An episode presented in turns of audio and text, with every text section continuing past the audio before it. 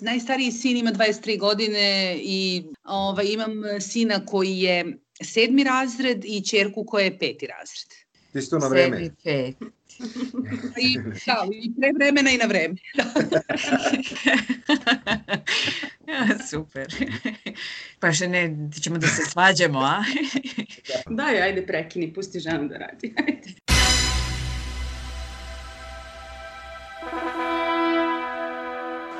Napravimo nešto da izgleda gore od sajma. Moram da smislim to i da pitam Kineze. I've today left hospital after a week in which the NHS has saved my life. Ne mogu da verujem da narod koji je preživao sankcije, bombardovanje, svakojako maltretiranje će se uplašiti najsmešnijeg virusa u istoriji čovečanstva koji na Facebooku postoji. Tell me why! And now I'm better, and maybe I'm immune. I don't know. Dobro večer. Mene su poslali iz štaba. Ja ću vam pomoći. Aleksandar Kocić Jelena Viser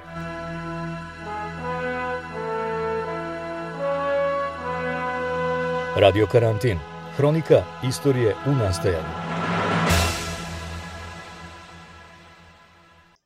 Dobrodošli u novi Radio Karantin.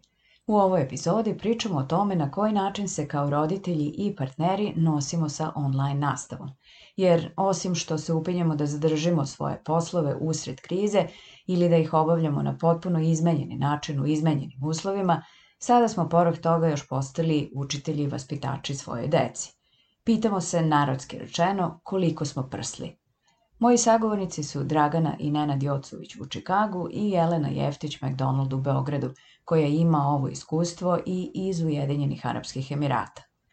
Od snimanja ovog razgovora režim nastave u Srbiji i u drugim zemljama je izmenjen i veliki broj dece se potpuno ili delimično vratio u učionice, one prave, mada neke nove izmenjene mere su ponovo u najavi. Što se moje druge domovine, Holandije, tiče, stroge mere koje uključuju i policijski čas su još uvek na snazi. Ali su se deca u osnovno školskom uzrastu vratila u škole.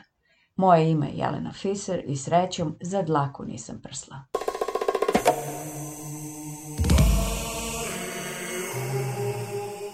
Čini se da su mnogi roditelji pred pucanjem, osim što ove, ovaj, se upinju da zadrže svoje poslove usred ove ekonomske krize, koja više nije samo pandemijska kriza, nego i, i ekonomska kriza, i da obavljaju a, ili da obavljaju te svoje poslove u potpuno izmenjenim a, uslovima, a sad su povrh toga postali još i a, učitelji, nastavnici, profesori i vaspitači svoje deci.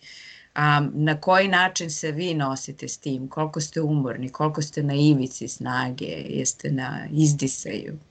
Pred pucanjem? Jocovići. Čini se da su mnogi roditelji pred pucanjem, osim što ove, se upinju da zadrže svoje poslove usred ove ekonomske krize, koja više nije samo pandemijska kriza, nego i, i ekonomska kriza, i da obavljaju a, ili da obavljaju te svoje poslove u potpuno izmenjenim a, uslovima, a sad su povrh toga postali još i a, učitelji, nastavnici, profesori i vaspitači svoje deci. A, na koji način se vi nosite s tim? Koliko ste umorni? Koliko ste na ivici snage? Jeste na izdisaju? Pred pucanjem? Jocovići? Pa mi ne možemo baš da, da kažemo da je tako nešto u pitanju. Sad ne znam, Da li zato što smo, mi imamo neku parolu kao snađi se i pliva i nema kukanja, to je nekako generalna parola u našoj porodici, a s druge strane, realno uslovi i za školovanje i za rad ovde nisu toliko loši, poprilično su se Amerikanci fino prilagodili o celoj situaciji i fino to sve ide. Znaš kako to izgleda nekako u, u praksi? Nekako su uh, sveska olovka i sve ostalo ostavljeno sa strane. Uh, svi su zadužili laptop i čitavo obrazovanje, uh, škola, časovi, domaći zadaci, uh, nastava, sve se obavlja preko tog laptopa. Tako da, i preko neke platforme, sad ne znam koje, ovaj, sad je aktualna Zoom, a ne znam koja je bila prošle godine pred e, e, koronu. Ovaj, tako da, samim tim, da li su oni u samoj školi, na času ili su kod kuće, njima je bitno da su ispred laptopa, znaš, i da tako pohađaju nastavu, tako rade domaći.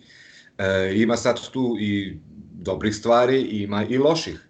Ako pogledamo da časovi počinju negde u 8 ujutru, ovde škole traju onako malo duže nego u Srbiji i ovaj, časovi su nekad čas traje pola sata, nekad čas traje sat i po, nekad čas traje dva sata, znači nemaju ono klasično 45 minuta pa pauza. Ovaj, tako da im nastava generalno traje do nekih od 8 ujutru do 2, pola, 3, 3. Ovaj, otprilike, bukvalno neko celo, ovaj, celo radno vreme. To ne bi bilo loše da se taj njihov boravak za računarom tada ovaj, zaustavi, međutim nastavi se ono drugo, online igrice, e, društvene mreže i tako dalje i tako dalje. Tako da, od, da, eto da kažemo neko radno vreme od 8 ujutru, odnosno vreme koje provode budni od 8 ujutru pa do nekog spavanja 10-11 sati, e, praktično 90% vremena i više oni provode ispred računara. Znači, kažem koliko je to negde možda onako i dobro, uh, koliko ih ne nastava ne zamara i, i gradivo tim nekim suvoparnim uh, ovaj, lekcijama i učenjem na pamet uh, raznoraznih ono, gluposti koje smo mi morali da učimo u, u školi, toliko ovaj drugi deo, drugi deo buljenje u ekran po 12 sati i više dnevno, znaš, onako malo smeta pravi probleme, ali šta da radimo, mislim, trenutno se svi smo okupirani ovom koronom, snašla je ceo svet i negde se sve, sve nadam, ajde, na, kao, dolazi proleće, dolazi lepše vreme, oti, otići će da je jednom i ta korona, izaći ćemo napolje i, znaš... Isteraćemo ih napolje. Isteraćemo ih nekako, znaš, i ovaj, gde doći to nekako sve na svoje. Jelena, a pretpostavljam da je iskustvo u Srbiji drugačije. Kako se vi nosite sa Mi smo u jednoj specifičnoj situaciji, mi smo bili u Emiratima 8 godina i e, kad je korona krenula u februaru, mi smo bili u Abu Dhabiju. E, deca su išla u američku školu i otišli smo na zimski raspust koga se više nikad nisu vratili u školu. E, Emirati su u tom momentu još u prvih recimo neke dve nedelje rekli da i sledeća školska godina će biti online, što je meni u tom momentu bilo potpuno nezamislivo. Uh, deca su bila pet meseci, znači u toj prošle školske godine tamo, sve je bilo preko Zuma, to je bilo odlično organizovano, to su škole koje imaju resurse, roditelji imaju resurse, tako da um, ovo što su rekli ovaj, drugari iz Čikaga, to je otprilike bilo tako. Znači, deca su dobila svoje laptopove, bili su na Zoomu po ceo dan, ta nastava se odvijala nekim svojim tokom, oni se nisu nešto mnogo žalili na taj deo, ovaj, na taj neki akademski deo. Um, u Emiratima je to bilo komplikovano zato što je tamo vreme užasno, uh, jako je toplo i onda vi kad nema škole, vi u suštini ne, ne izlazite napolje. I mi smo proveli pet meseci bukvalno u stanu i nešto kao šetamo se oko zgrade, ovaj, kao šetamo decu, kao što ljudi izvode pse, tako smo mi izvodili decu nešto krišom, jer tamo baš nije bilo jasno da li vi smete napolje ili ne smete napolje, sad mi takvi kakvi smo, jel, uzmemo sebi da smemo malo napolje, pa onda eto izađemo kao nešto, protrčimo ovaj, oko zgrade. I to i onda smo, u junu sam ja odlučila da, da ćemo da dođemo ovde na jednu godinu dana, jer se mi sad sledećeg leta selimo za Švajcarsku zbog suprugovog posla i da ćemo ovu godinu da provedemo ovde gde je moj najstariji sin i mama koja ima 80 i nešto godina. I onda smo došli ovde, ja sam njih i ovde upisala u internacionalnu školu. S tim što je ovde sad neka kombinacija između nastave na kampusu i nastave opet tako preko Zuma u kući.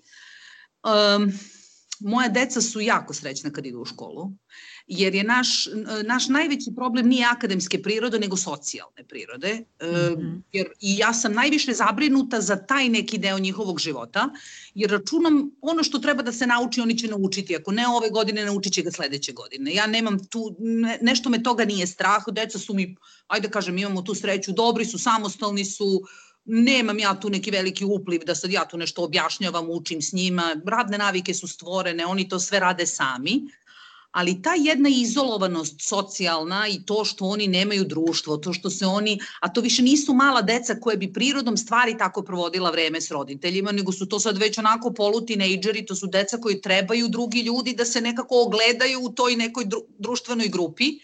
I to je ono što me najviše brine. U jednom momentu pre nekih mesec, u negde polovinom novembra su deca prestala ovde da idu u školu, odnosno počeli su ono opet od kuće. I posle neke dve, tri nedelje moj srednji sin baš potonuo i to mi je baš onako, baš je bilo zabrinjavajuće.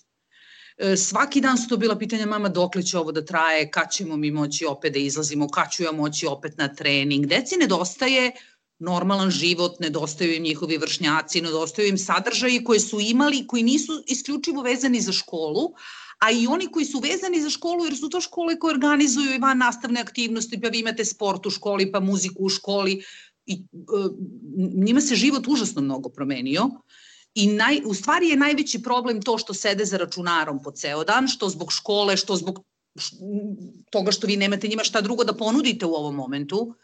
Slagali smo puzle, gledali smo filmove, igrali smo kvizove, radili smo jogu, znači više, stvarno posle godinu dana me više nemate ni ideja, ni energije da organizujete to neko vreme, prvih mesec dana smo bili neki kao entuzijasti, pa ćemo ovo, pa ćemo ono.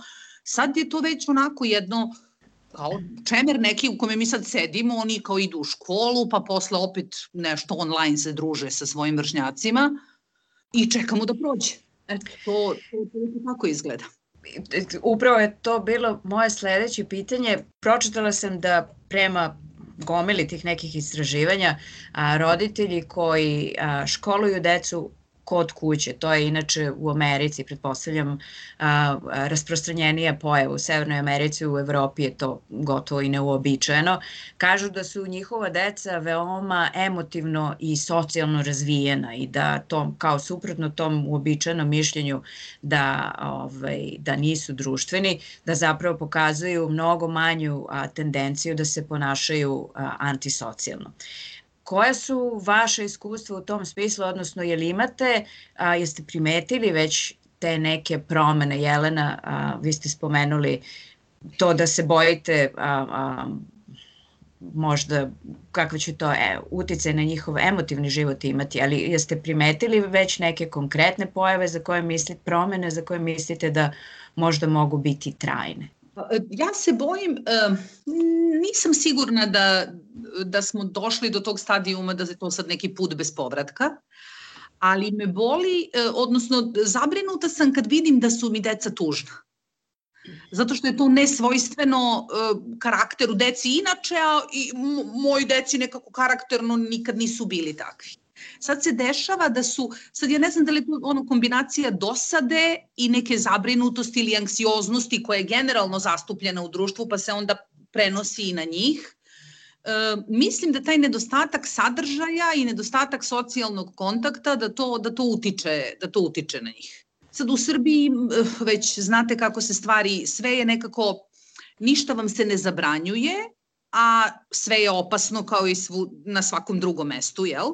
I onda vi kao, kao roditelj, kao neka jedinica porodična donosite odluke šta ćete vi sa tom svojom decom da radite, koliko ćete da se izložite drugim ljudima, koliko ćete i sve na vama, ne postoji kako bih vam rekla, nešto vam se kao zabrani, pa su ovo pravila, pa vi poštujete pravila i ona vam se dopadaju, ne dopadaju, ali ih vi poštujete. Ovde toga nema, pa onda vi stalno nešto, ako vam neko dete pozove na rođendan, vi kao pa nemoj da ideš, ili pa on kao što da ne idem, pa bit ćemo samo on i ja, pa sad ti ne znaš da li da ga pustiš ili da ga ne pustiš, pa ako ga pustiš onda sedam dana svi merite temperaturu svaki dan po 75 puta, a ako ga ne pustiš onda je on tužan. Mislim, tako je neki, kako bi vam rekla, e, čudno, čudno je neko vreme i vi niste sigurni kako treba da se ponašate. E, u, na početku smo bili stvarno onako, poštovali smo sve i više nego što treba. Mi i dalje poštujemo sve mere, ali vidim da se to vremenom da malo onako krećemo da ovaj, da te neke, da se opuštamo i vidim da to deci mnogo prija, e, da im prija, kad god im se pruži prilika da vide nekog van našeg porodičnog domaćinstva, da se tome mnogo raduju, da se školi mnogo raduju, da se planiranju nekih aktivnosti budućih mnogo raduju, time se sad eto kao bavimo, kad ovo sve prođe pa ćemo mi sad ne znam ovo i ono, tako kreirali smo neku rutinu, mislim da je to važno, da oni znaju kao šta će sada da se dešava i to je to. Sad, nadam se da neće biti nekih trajnih posledica, ne vidim da se to baš kreće u tom pravcu, ali vidim da ima oscilacija u raspoloženju, kad su dugo u kući vidim da, da, im, to, da im to ne prija, da imaju potrebu da, da budu okruženi ljudima. Radio karantin. Dragana, Joco, kako je vaše iskustvo s obzirom da je sistem tamo potpuno drugačiji i vi kažete da je vama lako sa tim online obrazovanjem, s kojim se tamo vi izazovima u tom smislu nosite? Prilično je slično ovome što je Jelena rekla, jer i mi imamo dva tinejdžera, tako da ove, te emocije koje su pomešane su prisutne takođe, s tim da smo mi u nekom, da kažem, blagom čudu, jer nam je čerka u poslednjih šest meseci od devojčice postala tinejdžerka i više nismo sigurni šta je tu. Da li je ova situacija, da li dolazak u Ameriku, da li tinejdžersko doba, da li šta je u stvari pravi uzrok tog ponašanja koje, koje je nama onako malo zastrašujuće. Definitivno da smo primetili da, da je ovaj, izolacija izazvala u njima neku da postanu asocijalnije, neće nigde da idu, neće nikoga da vide, neće niko da im dođe, neće, znači totalno neko odbijanje svega, naročito kod nje. Da, ne. da, mnogo je više izraženo kod čerke, jer mi e, živimo u zgradi koja ima 360 stanova, znači bukvalno kao neko naselje negde u, u, u Evropi. E, samo naša zgrada i sin se nekako je našao dva drugara u zgradi, čak, čak i, mislim, idu i u, i u školu zajedno, druže se, ovaj, jedne komšije su naši vršćani, drugi su iz Sirije, ali su se, ne, smo se nekako i mi kao porodice uklopili sa njima, tako i, i deca. Međutim, čerka Kozinat nema nikakvo društvo, čak ni u zgradi, a socijalni život ovde, pogotovo sad u doba korone, je praktično ga nema. Znači nema, ona nema drugu opciju. E, još uvek su oboje oslonjeni najviš, najvećim delom tog nekog slobodnog vremena, naročito vikendom, e, na drugare u Srbiji. Znači, čuju se sa njima, povežu se s njima, što preko online igrica, što preko već nekih tih ovaj, društvenih mreža, grupa raznoraznih, I to traje ceo dan. Znači oni su ceo dan, što, što mi je i nije čudno kad smo ovde u ovakvom sistemu i u ovakvoj situaciji, ali mi je čudno da je to, e, ta deca prihvataju takav način igre i u Srbiji. A mi smo do samo pre, pre godinu i po dana, e, ta ista deca i naša deca nisu ulazila u kuću.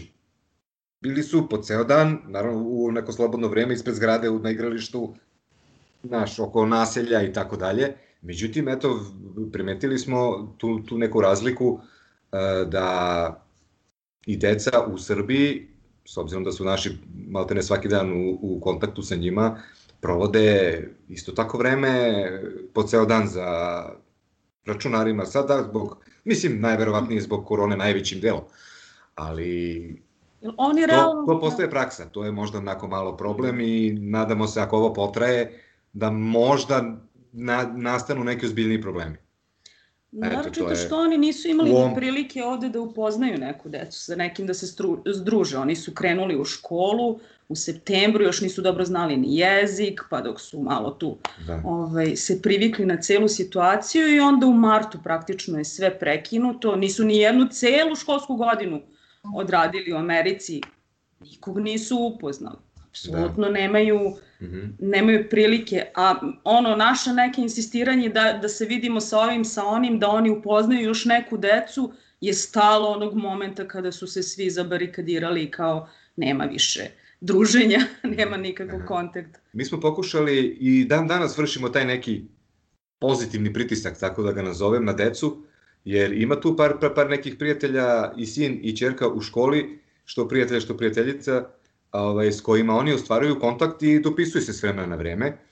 I mi smo pogotovo u tom nekom samom startu insistirali, ajde sad ti pozovi tog drugara ili tog drugaricu nek dođe kod tebe. E, nek e, ti ideš ovaj, tamo, nebitno, samo da se vidite.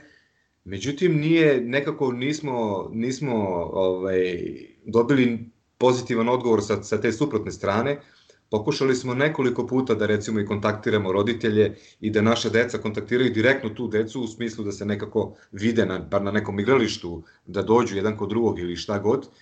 Međutim, uvek se završavalo ajde mi ipak da se on, online nađemo u toj i toj igrici pa ćemo da se družimo tako. Da. Ljudi su uglavnom... ovde generalno vrlo uplašeni i vrlo su se ovaj, sveli samo na svoje porodice, svoju kuću i ne idu nigde i ne, ne kreću se nigde. Su jako uplašena. Da. Što je nama totalni šok jer mi, mi smo preležali koronu u oktobru svo četvoro i mi se trudimo da, da ovaj, budemo socijalno aktivni koliko je to, da kažem, normalno u da. ovim uslovima, ali oni su potpuno protiv svega toga. Ovde je situacija u Holandiji prilično opuštena od početka i a, te neke mere koje su uspostavljene u hodu a, su, eto, pratile negde ono a, zdrav razum ljudi, a, država poštoje građane, građani veruju državi da. i to je tako išlo. I taj prvi a, a, lockdown smo nismo ni osetili praktično, jer valjda ono i svi smo se prešaltali vanredne situacije, ovo je nešto novo, svima nam se prvi put dešava, nismo sami u ovome i prosto izvozili smo to. I onda je došlo leto, svi smo išli na godišnje odmore, opustili se, napunili baterije i ovaj drugi lockdown niko u Holandiji nije očekivao. I kad se desio i najavljivali su kao postoji mogućnost, ali niko nije očekivao da će zatvoriti škole. Um, ako nešto budu poslednje zatvarali ili ne zatvarali, to će biti škole, kao nikako, škole ne dirati. Međutim, zatvore i škole. I meni je taj ovaj drugi lockdown pao toliko teško. Ja mislim da sam četiri sata u ponedeljak posle početka lockdowna već bila na ivici nervnog sloma i to možda sam malo preterala sa, ovaj, sa um, ovom izjavom, ali, ali, ali ne, ne mnogo. Jer posle sve te slobode i tog otvaranja i kao nade da će evo to možda i negde i proći brzo, sad ponovo taj lockdown. A, I sada slušam i svi su u, a, u sličnom tom a, mentalnom stanju, a, i ljudi koji su veoma racionalni i a, pridržavaju se mera i vode računa i o sebi i o drugim ljudima i sve to funkcioniše. Sada su ljudi, sve više ljudi sa kojima razgovaram, na ivici. Potpuno su na ivici i a, sada su u fazonu a, država mora da organizuje nešto. Država mora da organizuje a, neke ventile za decu, bojimo se za naše tinejdžere koji se spremaju za fakultete ili se bojimo za naše osnovce koji se pripremaju za srednju školu, deca treba da idu iz sistema u sistem, jeli? A, I sada svi počinju polako da upiru prstom u vladu. Očekuju da država nađe neki sistem da svima olakša.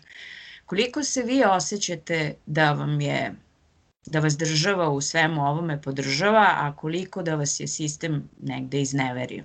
Uh, u Srbiji je to, kao što mislim, verovatno znate, bez obzira što niste u njoj, prilično jedna šizofrena situacija, zato što realnost ne korespondira sa onim što čujete ovaj, na televiziji ili u medijima. Um, ovde postoji jedan tako, bih vam rekla, vi građani ste krivi za sve, E, mere postoje, ako se ne poštuju, nema ko da kazni nepoštovaoce, odnosno prekršioce naredbi. A vi kako hoćete, to je tako otprilike, pa onda kad krene broj da raste i bolnice da se pune, onda imate jedno bombardovanje patetičnim, grozomornim izjavama o umiranjima, o punjenjima, o doktorima koji se one svešćuju, o tome kataklizma stiže, kad broj krene da pada, onda kao i, i ništa nema veze. Ja živim u zgradi u čijem, na čijem prizemlju je neki šiša bar, koji je svakog dana pun, ima nekih 30 kvadrata, u njemu je svakog dana stotinak nekih starijih tinejdžera i mlađih adolescenata, koji tako pušu tu šišu, igraju, pevaju, ni, mislim, niko ih u tome ne sprečava. To je jedan onako, jedan neprijatan prizor i za, i za normalna vremena, a kamoli za vremena u kojima je zarazna bolest, pa sad vi vidite sto ljudi ovako jedni drugima u lice ovaj, duvaju. A s druge strane, znate, stalno imate utisak da ste vi lično, e, ne postoji nikakav sistem koji, koji je uspostavljen i koji se o vama brine, a stalno vam se nabija na nos to da ste vi nekako odgovorni za rast brojeva, zašto idete negde i tako dalje. Tako da je, e, ne, ne, apsolutno nemam osjećaj da država brine o bilo čemu. E, iz kontakta sa, sa svojim prijateljima koji imaju decu u državnim srpskim školama, vidim da je to sve ako ste imali sreće da imate dobru učiteljicu koja želi da se bavi decom, čak i na ovaj način kad ne idu u školu, onda tim ljudima to nekako još ide. Ali ako nemate tu sreću, onda ja, moje dve najbliže prijateljice, ako ovo potraje, ja mislim da će one završiti na, u nekoj psihijatrijskoj bolnici. Jer e, imate decu, recimo moja najbolja drugarica, najmlađa čerka je krenula u prvi razred prošle godine i onda je krenula korona. Dete nije znalo, nije prepoznalo svoju učiteljicu sad kad su u septembru pošli u školu. Znači pojma nema, ona još uvek ne zna ni da piše, ni da čita. To je žena radi od kuće 8 sati arhitekta non stop, tako da ljudi su stvarno prepušteni, ovaj, prepušteni sami sebi. I ko koliko može, ume i želi time da se bavi, onda se ljudi time bave, ali malo ljudi ima taj komfort da vi možete da ostavite posao ili da nemate posao, a da imate od neku od čega da živite, pa da se bavite time da učite svoju decu slova, brojeve, množenja i tako dalje. 6, 75, 3, 8, Pretfreni broj je... Tako da je to sve prilično haotično kao i sve, kao i sve drugo ovde. A u Emiratima je to bilo drugačije zato što je e, to jedna onako dobro strukturirana policijska država u kojoj se pravila poštuju, ako se ne poštuju vi ćete biti kažnjeni i tu nema nikakve dileme da ćete biti kažnjeni i svi se ponašaju kao da su u vojsci i to se tako radi i to je tako. Tako da vam se tu ne ostavlja nikakav prostor da se vi sad tu nešto pitate ili da nešto imate neke dileme šta ćete da radite. Sve vam se nacrta šta treba da radite i vi se tako ponašate i to je to. Ne znam šta bih vam rekla, ne prija, ne prija ni jedno ni drugo i mislim da je jedan, i jedan i drugi sistem nekako protivan ljudskoj, ljudskoj prirodi ali ovaj ovde haos doprinosi tome da, da, da se stvarno sve više ljudi osjeća onako kako ste rekli, Jelena. Znači, ono, ako potraje još mesec dana, ja ću, da, ja ću bukvalno da poludim. To čujem od ljudi sve, sve, češće, sve češće i češće. Ljudi su jako zabrinuti za tu decu koja prelaze recimo iz osnovne škole u srednju školu ili iz srednje škole na fakultet. Mislim da je tim ljudima e, najteže. Jer vi u stvari uopšte ne možete da predvidite kako će to uopšte da se odvija, kako će ta deca da se upisuju u škole, ko će da radi te pripreme za prijemne ispite, Jer ovde je ispit za upis u srednju školu kao da se upisujete na, ne znam, na doktorske studije na Cambridgeu. I sad ako nema priprema za to, za, za polaganje prijemnog ispita za srednju školu, ljudi su očajni jer ne znaju, ne znaju kako da pomognu svoj deci koja malta nevo sad druga godina uopšte ne idu u školu ili idu tipa tri dana svake druge nedelje, kako da pomognu svoj deci da se spreme za, za te ispite uopšte. Vrlo je to sve, vrlo je komplikovano, Ministarstvo prosvete još uvek ništa ne, mislim, ne izdaje nikakve neke, ovaj, nema nikakvih obaveštenja kako će to da izgleda, tako da su ljudi jako, jako zabrinuti koji imaju decu tog uzrasta. Oh, yeah. Radio karantin. Ovde je recimo škola stvarno odradila odličan posao u novonastalim uslovima što se tiče pristupa, gra, pristup gradivu je jednostavan, komunikacija sa nastavnicima je odlična, redovno nas obaveštavaju o bilo kakvim promenama, o propuštenim zadacima, o eventualnim izostancima, nude pomoći, tako da je ta podrška od škole kompletna. Mi nemamo nekih većih problema sa našom decom i sa njihovim školovanjem.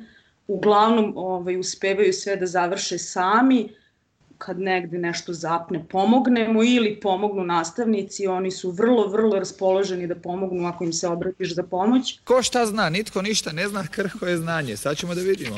Tako da u tom, tom delu smo skroz ovaj, podmireni, da kažem, i nemamo nikakvih ovaj, zamerki na sistem. Dragana i Nenad Jocović u Čikagu i Jelena Jeftić McDonald u Beogradu. Radio karantin.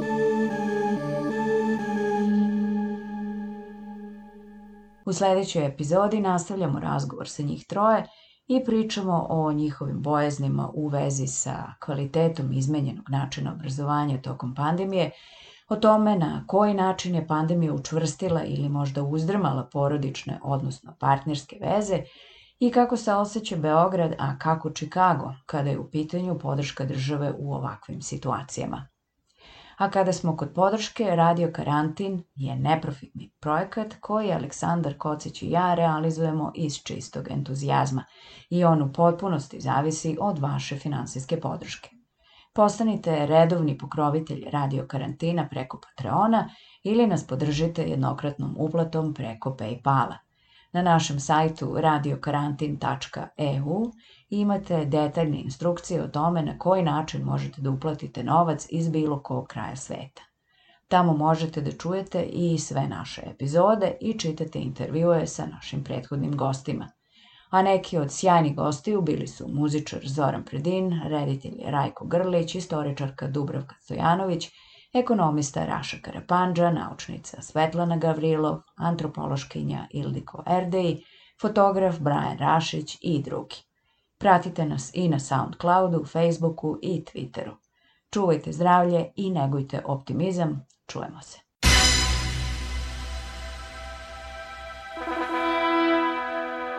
Moramo da napravimo nešto da izgleda gore od sajma. Moram da smislim to i da pitam Kineze. I've today left hospital after a week in which the NHS has saved my life. Mogu da verujem da narod koji je preživao sankcije, bombardovanje, svakojako maltretiranje će se uplašiti najsmesnijeg virusa u istoriji čovečanstva koji na Facebooku postoji. And now I'm better, and maybe I'm immune. I don't know. Dobro večer. Mene su poslali iz štaba. Ja ću vam pomoći. Aleksandar Kocić Jelena Viser